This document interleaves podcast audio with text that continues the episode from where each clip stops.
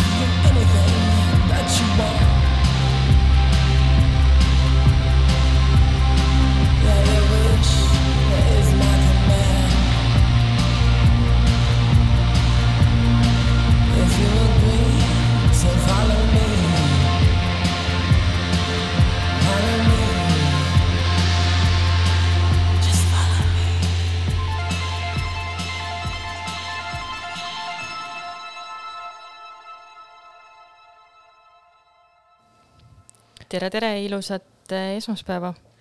tere ka minu poolt. käima läks saade Uus raamat, mina olen Triinu ja minu kõrval on Elise tšau, tšau. ja oleme taas kord natukene lugenud ja hakkame teile sellest rääkima. aga enne veel äh, äh, tahame teile väikesed teadaanded edastada. kultuuriprogramm äh, Puandis sel kuul äh, võib lisanduda alati, aga hetkeseisuga siis on äh, tulemas kolm äh, toredat sündmust. esimene neist viieteistkümnendal septembril värske rõhu kriitikaseminar. tegu on siis eelregistreerimisega sündmus, mille kohta peatselt läheb info üles. ehk siis kõik, kes on huvitatud kriitika kirjutamisest, kes seda juba teevad, aga tahavad võib-olla nõu või tagasisidet, siis eh, hoidke silmad peal Värske Rõhu ja meie sotsiaalmeedial ja see info jõuab teieni kindlasti. sealt edasi kahekümne esimene september on tulemas luule- ja muusikaõhtu. Manfred Dubov eh, avaldas eh, oma teise raamatu sel suvel ning eh, tuleb ette lugema ja ma hetkel ei tea, kes muusikat mängib. ma arvan, et see info ei olegi, see nimi ei ole meieni veel jõudnud, vist küll jah. aga see saab kindlasti olema väga mõnus. ja kahekümne neljandal septembril eh, võtke oma lapsed eh, või väiksed sõbrad eh, käe kõrvale ja suunduge puändi poole, sest eh, lasteraamatu kohver esitlus eh, saab olema kell üksteist. tegu on äärmiselt südamliku looga sellest, kuidas minna edasi elus, kui sa oled kõik kaotanud ja kui oluline on eh, olla avatud abile või ka, või ka märgata seda, et kellelgi on abi tarvis. ja see on minu meelest üks äh, äh, väga hea viis lastele selgitada või tutvustada ka äh, siis inimesi, kes on tulnud kaugemalt meie juurde, kes vajavad meie abi ja siis võib-olla läbi selle raamatu äh, analüüsida või siis selgitada ähm, selliseid no ütleme veidi raskemaid teemasid mm, -hmm. mis võib-olla igapäeva äh, nii-öelda suhtluses ei, ei pruugi esile kerkida. jah, et seal on äh, siis üks sümbol, läbi mille autor on äh, seda temaatikat avanud, mis nagu pealkiri ka vihjab, on kohver. aga siis äh, sellest raamatust me täna pikemalt ei räägi. kakskümmend neli september kell üksteist või äh, kui juba äh, nii-öelda näpud hakkasid kibelema, siis äh, saab äh,, saab meie juurest poest äh, ka kohe kaasa haarata. ja, aga nüüd võtame ette raamatut, mis meiega on siin äh, stuudioruumis äh,. ma alustan äh, äh, prantsuse autoriga, kelle nimi on Jean Gion äh, ja tegu on, või selle pealkiri on The man who planted trees, see on küll inglise keelde tõlgitud, ma lugesin seda inglise keeles, eesti keeles seda ma ei tea, ei ole kohanud, et oleks olemas. minul teada ka mitte. see eellugu on ääretult põnev. ma väga palju ei taha sellest rääkida, et äh, siin raamatus on nii eellugu kui see päris lugu, mis mõlemad on äh, omamoodi huvitavad ja head. aga siis äh, kirjanik Johnile siis äh, esitati Reader's Digesti ajakirja poolt pakkumine, et, et ta võiks kirjutada neile äh, loo kõige erakordsemast äh, karakterist, keda ta elus kohanud on. ja tema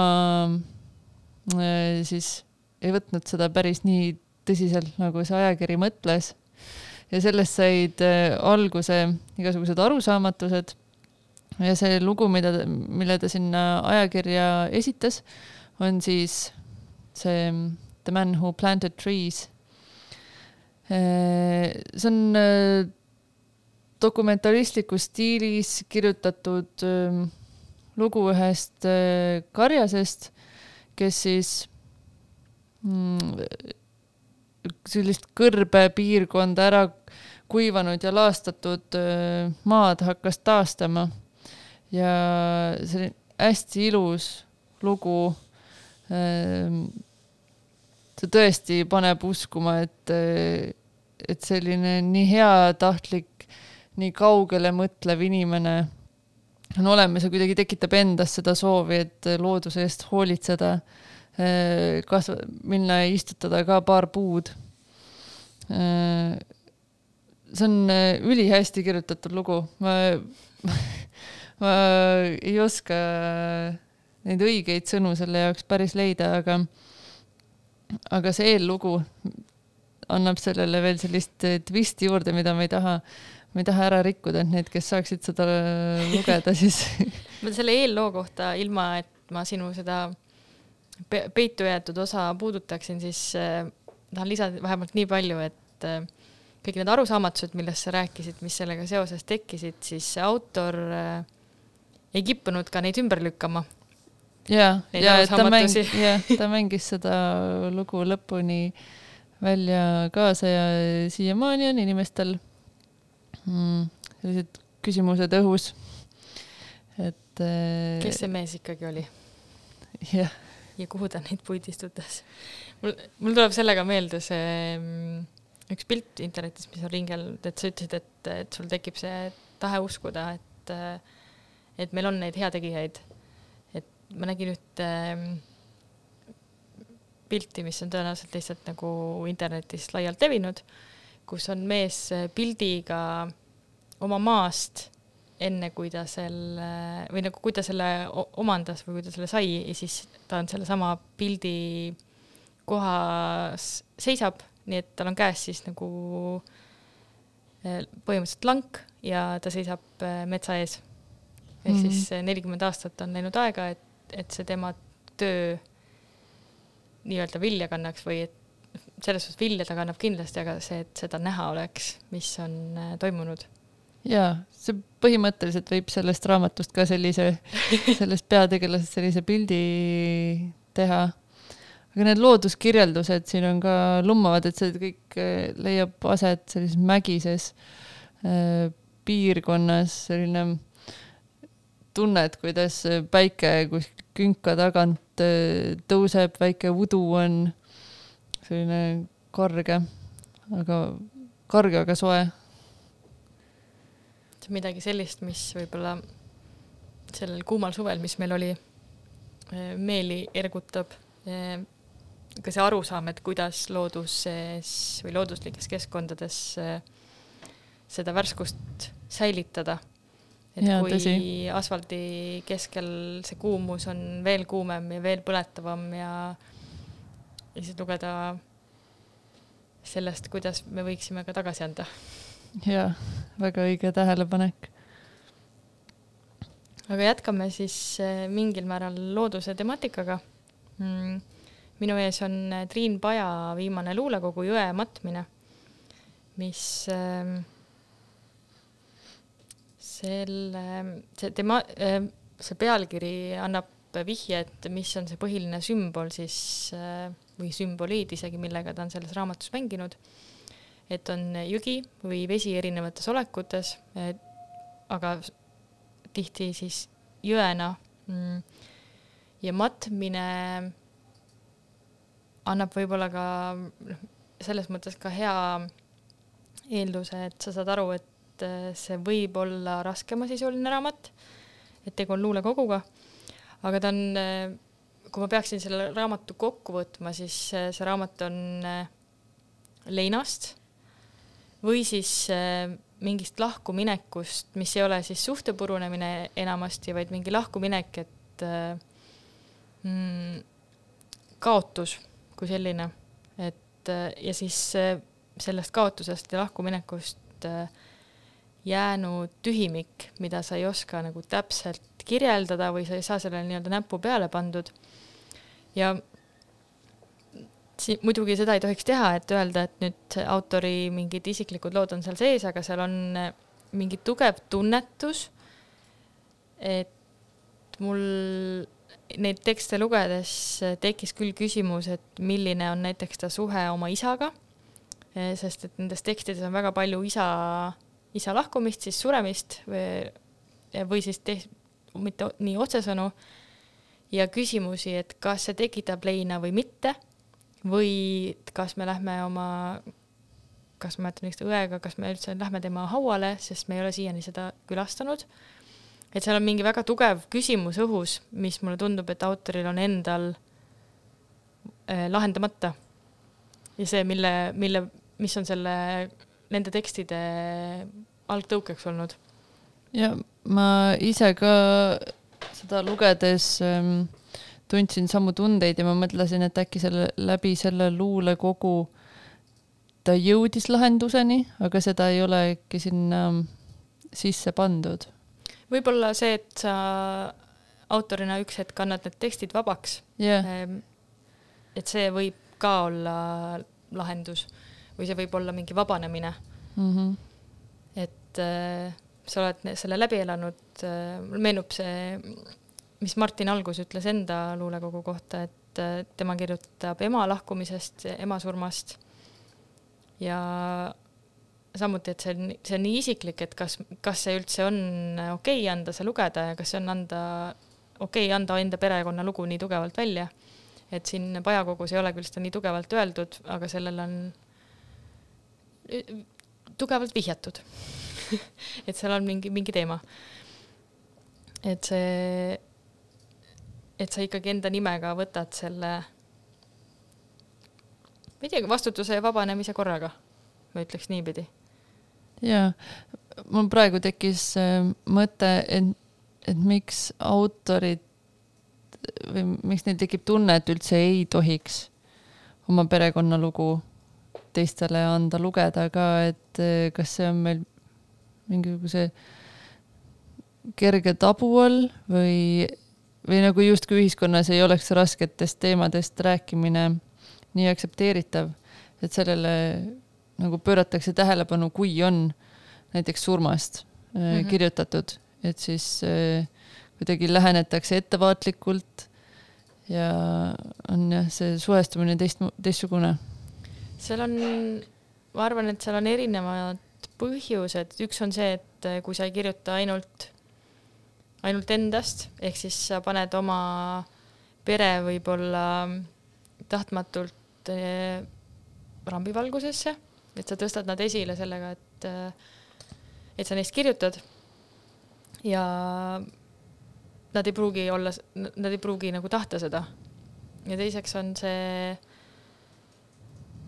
võib-olla ka siis selline enda haavatavuse küsimus. et seda tehakse küll, aga et, et mm, no et seal on alati ju selles suhtes mingisugune ilukirjanduslik kas liialdus või, või mingid muutused on sees, et ta ei ole nagu üks-ühele see lugu enamasti Mm -hmm. või noh, ilukirjanduslikult võib-olla lihtsalt ei oleks ka nii nauditav, kui ta oleks üks-ühele see. et seal peavad olema mingid äh, ähm, moonutused. moonutused ja miks on ilukirjandus ilukirjandus, et seal on, on need lisandused sees.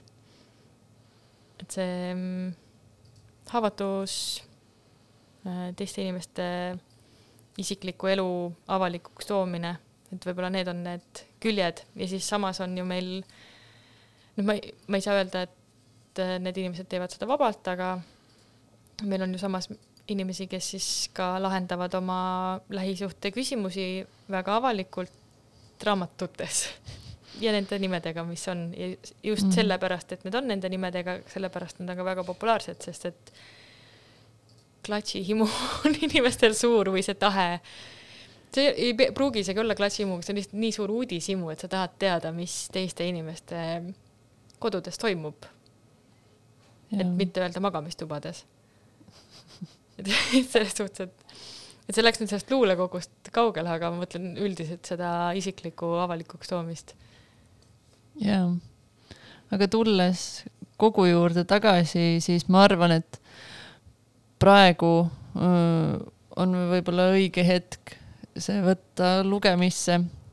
kui mina üritasin seda teha lõõskava päikese ja kuuma käes, kui peas oli selline trillalla-trullalla olek, siis mm, tekkis äh, ma ei saa öelda, et päris konflikt, aga raske oli äh, süveneda võib-olla täielikult, et äh, ta on ikkagi selline tumedama aja äh, raamat ähm,. tõmbab kuidagi selliseks äh, rahulikuks ja äh, tõsiseks korraks, Mm -hmm. aga see sobib sellisesse meie pimenevasse äh, õhtusse. see on, kui ma mõtlen Triin Paja peale, ma ei tunne teda isiklikul tasandil, ma olen temaga küll kohtunud, aga ma mõtlen, tema autori kuvand ja tema, ta ka pildistab, et kogu tema see, see kuvand, mis ta annab välja, see on, kui ma peaks selle võtma kokku ühe, ühe visuaalse pildiga, siis see on äh, äh, hommikune udune heinamaa, mis on metsaveerel, aga ta on selline, ta on piimias. aga seal on erinevaid toone, mis on veidi tuhmistunud. ja see on see, kuidas ta autorina esile tungib ja tema tekstid samamoodi. et see lõõskava päikese alla, ta lähebki konflikti mm -hmm. väga tugevalt. ja mina ei suutnud ka seda suvel lugeda, et ta suvel tuli välja, sest äh, ei, ei sobitunud ka mulle. aga nüüd, nüüd mulle ta meeldis. ma olen väl, välja valinud paar teksti, mis ma vaatan, et selle isa temaatikaga ei haagi, aga siin annab aimu sellest äh, meeleolust siiski. et mul on komme raamatutes äh,, miski mulle väga meeldib äh,, siis teha südamed nende lehekülgede äärele äh,, eriti luulekogudes siis. ja ma siis loen kaks, kaks südameteksti ette. kuulame. peale tormi. kui välk lõi majja, milles vanaema ihu üks ühi-, alustame otsast peale, see läks kõik pekki.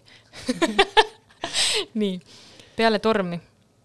Kui välk lõi majja, milles vanaema ihuüksi kidus, hakkasid jaanimardikad ta meele klaaspurgis kustuma. ema astus ta tuppa nii tasa, nagu miiniplahvatuse ohver. kolme jalaga elevant kes on vaikne, ei tammu. vanaema oli lind, kes ääre pealt lehma jooginõusse uppus. keegi ei võtnud teda pihku. mis meist ometi saab? Tundsime, kuidas miski meis metsistus. see oli esimene tekst. ja teine, mille ma ette loeksin, on sulekimp. ema toob mind põldu kus korjame sookure sulgi. ta ei mäleta lapsepõlvest ainsatki, sünnipäevapidu ja kingu-, kingitust. aga ta mäletab klambriga kuuseoksa külge kinnitatud kolme hõbelindu. kuskil ei ole neid enam. Ja vanaema juuksed, mida ta raudkammiga kammis. kuskil ei ole neid enam. ta peab rändama kui linnuke, nokkima hauapealset leiba ta kingib mulle oma sulekimbu. ta heidab nii kauaks pikali.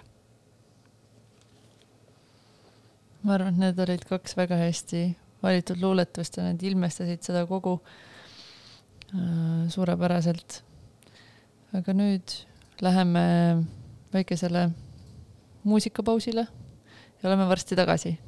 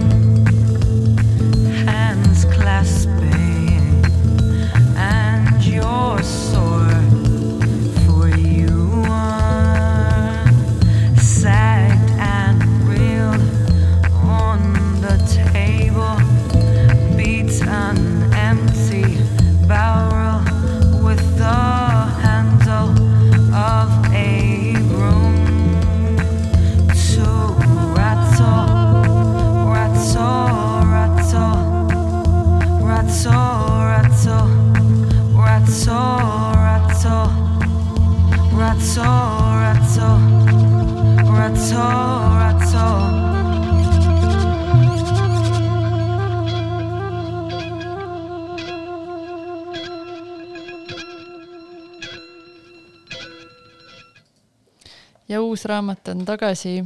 Triinu ja Elisa siin. Lähme oma juttudega edasi.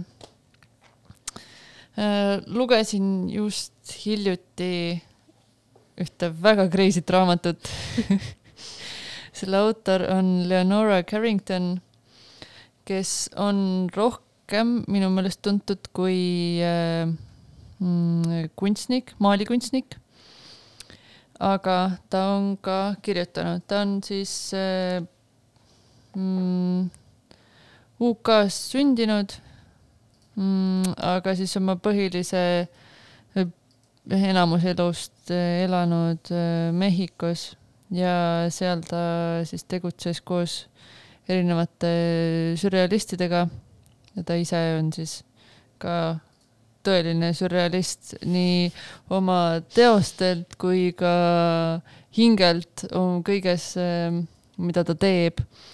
et siin raamatus äh, The Hearing Trumpet on ka sissejuhatus Ali Smithi poolt, kus ta annab lühikese ülevaate tema mm, elust.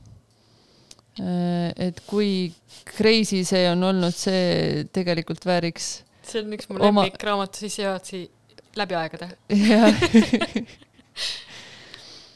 et äh, ma liiga detailidesse ei lähe, aga ma mainin paar asja, mis on tema äh, võib-olla kõige tuntumad nii-öelda lood või faktid. et äh, ta pidudel ja söömistel ta alati äh, šokeeris inimesi oma mm, olemise ja tegudega. ja siin on näiteks toodud, et äh, ja me räägime siis äh, mm, tuhat üheksasada kolmkümmend, nelikümmend, viiskümmend, et kui ta äh, kõige aktiivsem vist siis oli. et äh, tollel ajal tulla peole kõigest äh, üks lina ümber, voodilina ja selle siis keset pidu minema visata ja olla peol edasi paljalt. et see tol hetkel võis vägagi šokeeriv olla ja näiteks äh, ta söögilauas äh, määris oma või noh, tegi oma jalad kõik sinepiga kokku, plätserdas siis niimoodi äh, sinepiste jalgadega ringi. või näiteks, kui inimesed olid tema poole tulnud ööseks, jäänud peole, siis hommikul äh, võisid nad omleti seest leida enda juukseid ja karvu, mida siis Leonora oli neilt öösel ära lõiganud. et, et ta, ta jah, võttis ette kohe selle sürrealismi, et, et kõik tema teod oleksid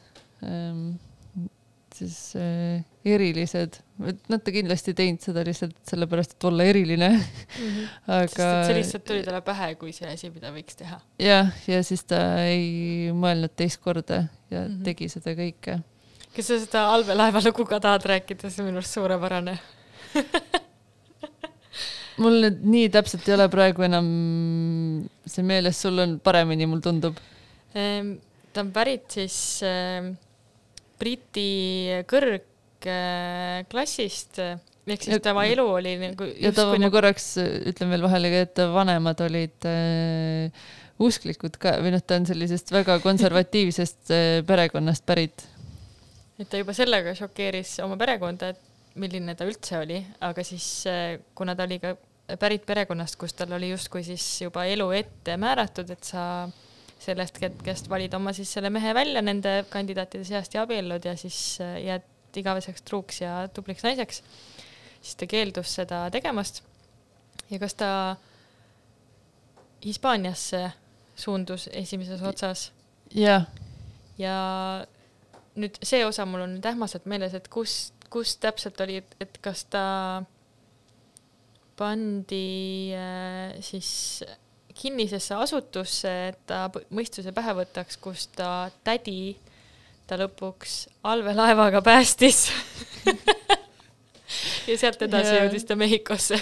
jah, et lihtsalt see, et mm, jah, ta oli selline vaimuhaiglas oli Jah. vahepeal järelevalve all. jah, aga see oli, nii palju, kui ma aru sain nende kirjelduste põhjal, siis see oli seetõttu, et ta perekonnale ei, ei sobinud tema käitumisviis või tema yeah. elamisviisid. ja sest, et ta juba väga noorelt äh, hakkas reeglitele vastu, ta visati mitmest koolist välja. et äh, tal oli see pulbitses veres mm, Mhm. selline äh, reeglitele vastuhakkamine. aga raamat ise, The Hearing Trumpet, see, see räägib äh, pensionärist, peategelane on üks äh, vana naine, kes on äh, oma kuulmise peaaegu kaotanud ja ta on oma perekonnale äh, tüliks ja nad tahavad ta panna vanadekodusse. Aga ta saab siis oma sõbrannalt siis selle hearing trumpet'i, ma ei tea, kuidas seda eesti keeles kõige paremini kuulmis kuulm- kuulmistrompet kõlab nagu veidralt, samas aga- kui me mõtleme looja peale, siis võib-olla just õigesti. jah. millega ta siis äh, hakkab kuulma. kuulmislehter äkki. jaa, võib-olla tõesti nii. ja ta saab äh, teiste jutte pealt kuulata, kuna see on nii võimas äh, siis äh, ütleme kuulmisaparaat, et äh, kuuleb kaugemale kui tavaline kõrv. Ja siis ta juba ette saab teada, et ta perekond tahab ta panna vanadekodusse. ja see ei ole mitte tavaline vanadekodu, vaid äh, see on kergelt nagu new age äh, tunnetusega, kus kogu aeg pead äh, ennast parandama, olema teel kõrgemaks saamise mingisugusesse, et sinust saaks noh, parem inimene, aga seda sulle rõhutatakse igal sammul ja hetkel, et sa jälgiksid ennast, kontrolliksid ennast. ja, ja see vanadekodu on äh, niivõrd-kuivõrd kinnine asutus, et seal võib harva käia külalisi ja, ja selle majad on äh, igasuguses erinev, erikujulised, et nagu muinasjutust. Aga see stiil, millega see kirjutatud on, see hääl, millega ähm, siis peategelane räägib, see on nii nunnu, sa kohe armud temasse ära. ta on selline tore vana inimene mm,. natukene võib-olla naiivne, aga jah, selline armsalt ja mm, ja milles Ma... see naiivsus, naiivsus seisneb? et, äh, konkreetset näidet ei oska tuua, aga või- võib-olla selline lihtsameelsus, lapselikkus ka, Mm -hmm. aga see kõik on äh, kerge huumoriga ka kirja pandud, et seda on hästi mõnus lugeda. ja see, kuidas ta oma sõbrannaga mõtleb igasuguseid jaburaid äh, asju välja ja äh, aga see, kui ta siis lõpuks sinna vanadekodusse viiakse, et sealt hakkab tegelikult äh, hargnema ka üks paralleellugu. et seal äh, nende söögiruumi seina peal on ühe äh, üks vana maal. ma täpsemalt sellest ei räägi, aga natukene jätan nii-öelda, kui, kui kellelgi peaks huvi tekkima, et siis ma kõike ette ei räägi. et sealt sellest maalist, mis neil seal seina peal on, et selle äh, ajaloost siis hakkab rang- äh,, hakkab siis tulema paralleellugu äh, selle pen-, pensionäride kõrvale ka ja siis lõpuks kõik keeratakse pea peale ja pannakse sada vinti ja plahvatused, muundumised, sihuke crazy, väga crazy lugu. see on jah, see on üks nagu tõeline sürrealistlik raamat, aga hea huumoriga. ma pole vist enne lugenud ühtegi raamatut, kus oleks selline nagu hääl või stiil mm,, kus, kus see peategelase nagu olemus tuleb nii hästi välja. võib-olla see, et tihti ei ole pensionärid peategelased. jah, tihti pannakse peategelased, pensionärid pannakse selliste totakatesse rollidesse näiteks, et kamppensionäre lahendamas mõrvamüsteeriume, et kuidagi see, noh, mingid yeah. sellises stiilis asjad on küll. aga üldjuhul mitte jah. mm. -hmm. et see oli äh, kuidagi värskendav, aga väidetavalt see nii-öelda pensionäri hääl tuleb temast endast, et kuna ta elas ka väga vanaks, ta vist oli üheksakümmend kolm, neli, midagi sinnakanti, et siis ta tahtis seda äh, aga ei- see ei saanud üheksakümne nelja aastaseks üheksakümne nelja aastaseks, ei, ei ta kirjutas selle raamatu varem ju. seitsmekümnendatel, siis ta ei olnud veel nii vana. jah, Carrington Aga- lahkus kusjuures alles kaks tuhat üksteist. -hmm. ja mul matemaatika lonkab täiega, ma ei tea palju, et kui vana ta ise oli, kui selle raamatu kirja sai. et kui ta vist oli seitsmekümnendatel kirjutas ja mis Seitse- aastal ta sündis. üheksa, tuhat üheksasada seitseteist sündis ta. ta oli siis kuskil kuuskümmend. no ütleme nii jah. et siis juba natukene oli vanust ja see peategelane oli vist midagi seitsmekümnega, see on jah. ühesõnaga, Judel oli siis mingisugune kogemus jah, sellega, et kuidas teda nähti või kuidas ta ise nägi enda ümber inimesi Või- või kuidas ta arvas, et või vananemist jah, et jah. kuidas seda mm, siis pea peale keerata ka. mm -hmm. Aga tema, siis kui ma veidi lugesin äh, ka äh, siis Leonora Carringtoni tausta, siis tema läbivad motiivid ongi äh, mm, siis asutused, mis on kinnised Mm -hmm. kus on range reeglistik, ehk siis see tuleb siis tema tõenäoliselt enda perekonnast lapsepõlvest, et kui ta oli nendesse seot- või kuidagi raamidesse. raamidesse surutud nende poolt ja, ja siis äh, ja kõiksugused muundumised, kus inimesed äh,, inimestest saavad loomad või vastupidi, et see on ka tal läbiv see on teema tema maalikunstis ka väga tugevalt mm -hmm. esil. jaa. kindlasti tasub tema maale vaadata, need on väga vinged. ma olen väga suur Fänn. fänn, väga suur fänn. selle, huvitav on, ma seda uskliku tausta kohta ei teadnudki. et kui ma siin praegu kuulasin ja seda, neid motiive, siis äh, tema maalikunstis on väga tugevalt sellised sakraalsed sümbolid esil. Need ei ole küll äh, näiteks kristlikud, aga nad on, tema maalides on mingisuguse püha riituse vaimsus. Et Jaa. äh, ja neid oli ka siin äh, raamatus. Mhm. ja see muundumise motiiv, mille sa sisse tõid, et see on äh, ük-, jah, see on tema maalikunstis üks, üks põhilisi, et pigem, pigem, pigem see on, kui ei ole, kui mingist kümnest maalist üheksal. jah. ja üks huvitav fakt ka, mida ma ei teadnud, aga mille edastas meile mm, üks äh, tore püsiklient. et äh, selleaastane Vene-, Veneetsia biennaal on oma pealkirja saanud ka siis Lenora Carringtoni raamatust, siis lasteraamatust, mille pealkiri oli Milk of Dreams.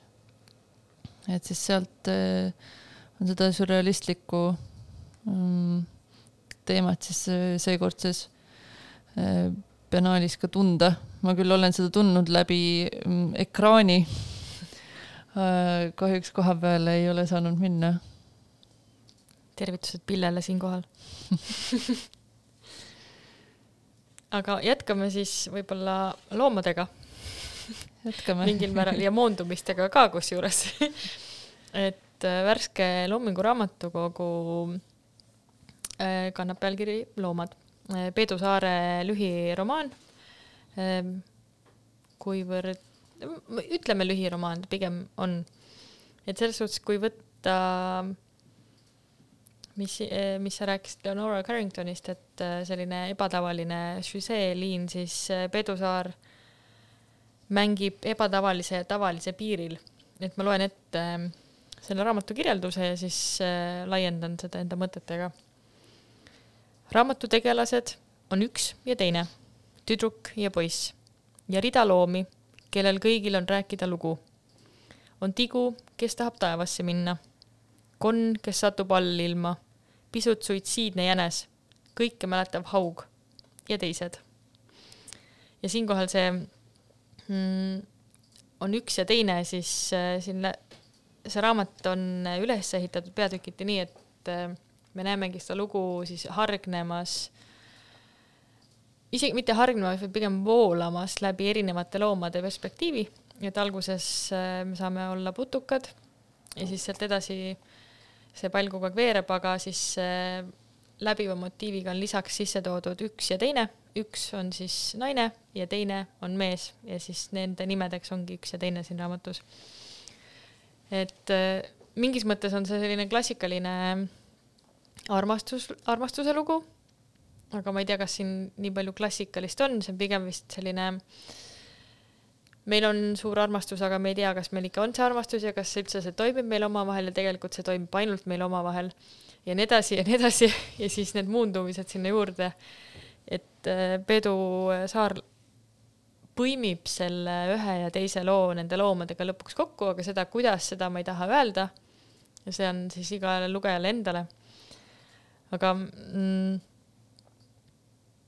suures osas oli minu jaoks usutav see, see muundumiste jada. mingi hetk ma mõtlesin ka, et okei okay,, et kuidas ta siit nüüd edasi läheb ja ta tõenäoliselt mõtles ise ka, et kuidas ta siit edasi läheb, sest et siis nagu tuli väike konarus sisse, aga ta jätkas uuesti sujuvalt, et see, sest et see, kuidas see kokku siduda, oli tal juba ilmselgelt läbi mõeldud. aga kuidagi see jada, et sa oled selle äh, looma või putuka või äh, kahepaikse kehas äh,. ma igapäevaselt praktiseerin seda, et ma mõtlen ennast nagu koera silme, silmes läbi enda koera siis kodus, et mida ta võib mõelda või tahta teha või et kuidas see, see kuidagi see, see on hästi äh, mis see sõna, ühesõnaga see on selline asi, mida sa hakkad nagu tegema ja see ei lähe ära, kui sa seda juba tegema hakkad.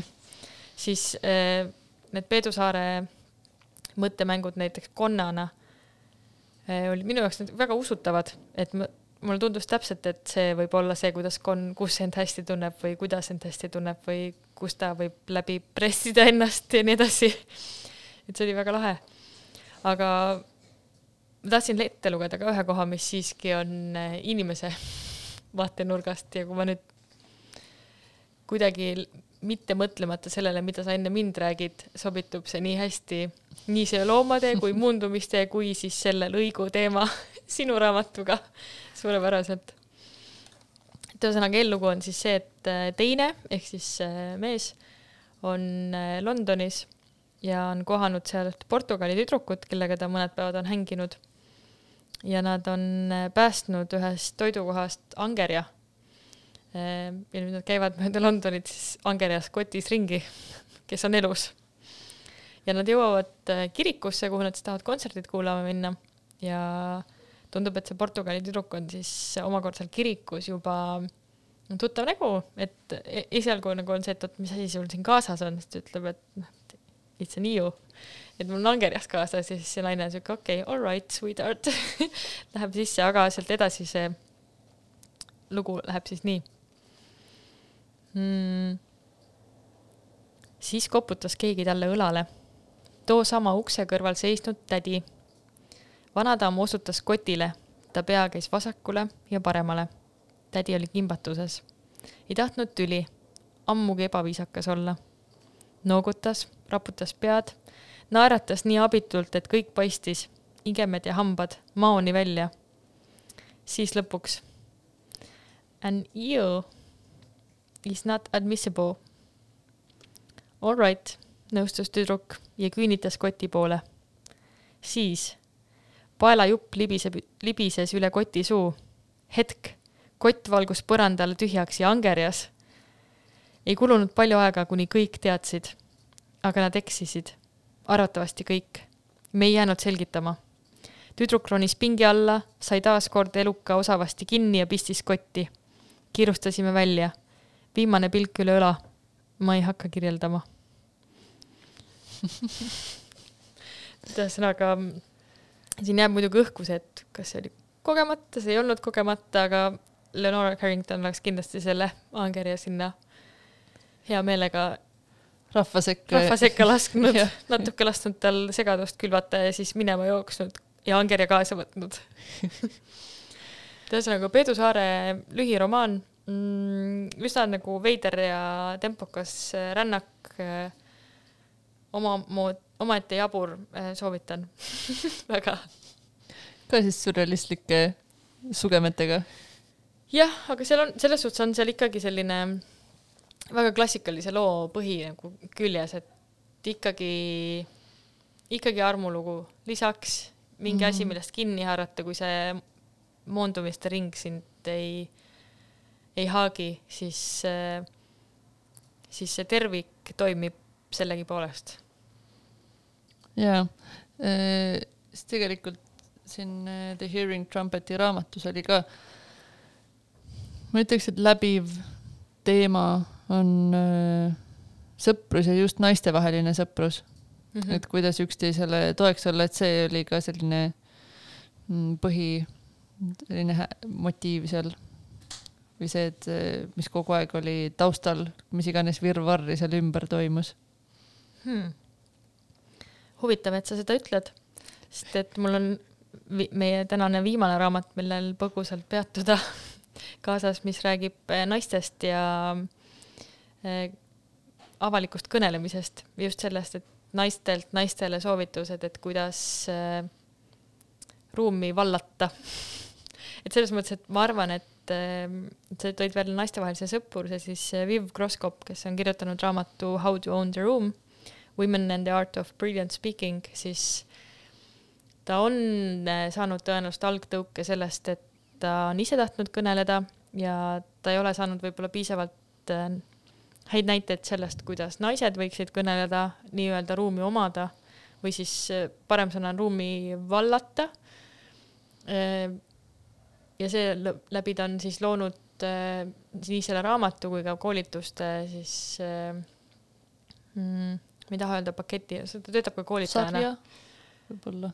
võib-olla tõesti, et ühesõnaga ta läheneb siis vastavalt sellele, et kuidas, kuhu teda on kutsutud, kelle, keda tal on vaja siis juhendada. Aga et äh, raamat, noh, seal on see jälle see küsimus, et miks siis, miks see on ainult naistele, miks mehed ei pea hästi rääkima, siis eks see on ikka sellepärast, et me ainult meestest kuulemegi nagu väga tihti. et siis Viv Groskop otsustas, et nagu kõik on cool, mehed võivad seda lugeda ja ta töötab ka koos meestega, aga see raamat peatub lihtsalt vingetel naistel, kes, kellel on kõigil oma stiil ja kelle stiilist meil on õppida. et ma väga põgusalt äh, räägin võib-olla mõne näite ja siis sellest, kuidas raamat on üles ehitatud. et tal on äh,, tal on üksteist peatükki äh, pluss siis väikeste lisadega, kus äh, igas peatükis ta võtab ühe, ühe suure näite.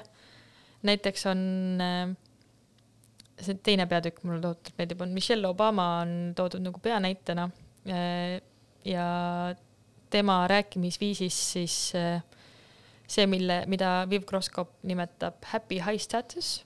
Ehk siis nagu sa oled juba kõrges staatuses, staatus on äh, miski, mis on su enda peas esiteks, see võibki tähendada seda, et sa oled tõesti Michelle Obama. Aga siis see happy seal ees tähendab seda, et äh, sul on su enda staatus on su enda sees nii kindel, et kui miski tuleb seda kõigutama, siis see ei saa nii lihtsalt ligi sulle, sest et sa oled väga rahul selle kohaga, kus sa ise oled oma kehas ja oma elus või see, see mindset, mis sul on. et näiteks kui äh, keegi peaks tulema ruumi ja ajama sind segi näiteks pulmas äh, kelneriga ja paluma sul šampust tuua, siis sa tood talle šampuse, annad selle üle ja jätkad seda, mida sa tegid. et kuidagi see, et kuidas sa suhtud sellesse, et keegi eksi, eksiteel näiteks peab sind kellekski teiseks või ei tunne sind ära või mis, what not, eks, ja see on äh, väga lahe mõtteharjutus. siis ma olen äh, mingi hetk hakkasin seda alateadlikult praktiseerima, ma ei olnud sellest kontseptsioonist kuulnud. sest et mul on mingisugune huvitav komme paljudes kohtades välja näha, nagu ma töötaksin seal. ja siis ma hakkasin seda nautima ja vaadata, et ma saan inimest aidata mingi maani, et ma ei saa loomulikult äh, kuskil kohvikus minna talle kohvi tegema, aga ma saan tal, teda juhatada õiges suunas. Mm -hmm. et ma sain, et see on äh, mõttenihe, et öelda, et ei, ma ei tööta siin eh, või siis versus see, et sa teed endast parima, et inimesele siis abiks olla kuidagi. et see on, see on selline minu konkreetne näide ja see võib-olla sellepärast ka mind väga kõnetas see peatükk. Aga ta on siis raamatu üles ehitanud eri, erinevate näidetega. ja kui siin on nüüd kaks varianti, esiteks võib-olla sa, sul ei ole aega lugeda tervet raamatut, siis on raamatu lõpus on äh, iga peatüki kokkuvõtted, mis on siis nagu tips and tricks ja ka harjutused. aga nad toimivad minu arust paremini, kui lugeda ka peatükk äh, enne ära, sest et äh, kordamine on tarkuse ema, see võib kõlada klišeena, aga see on nii. et lihtsalt sa loed midagi, siis sul on see lühidalt kokku võetud, siis sa teed seda läbi. et selline ring, mis aitab äh, kinnitada seda teadmist, mille sa omandad. ja kuna mm, -hmm. miks mina seda raamatut lugema hakkasin, on täpselt seetõttu, et ma otseselt ei taha kõnesid pidada, aga mõned ka väiksemad kõnelemise hetked äh, ajavad mind rohkem närvi, kui nad võib-olla peaksid või ma tahaksin selle närviga paremini hakkama saada, siis siin on näiteid igale kõnelemisviisile. siin on inimesele, kes naudib äh, laval olemist, kes ei naudi laval olemist, aga võib sellest siis teha enda jaoks parima kogemuse või ka selle, et tema sõnum, mis iganes see siis on, tuleks selgelt välja.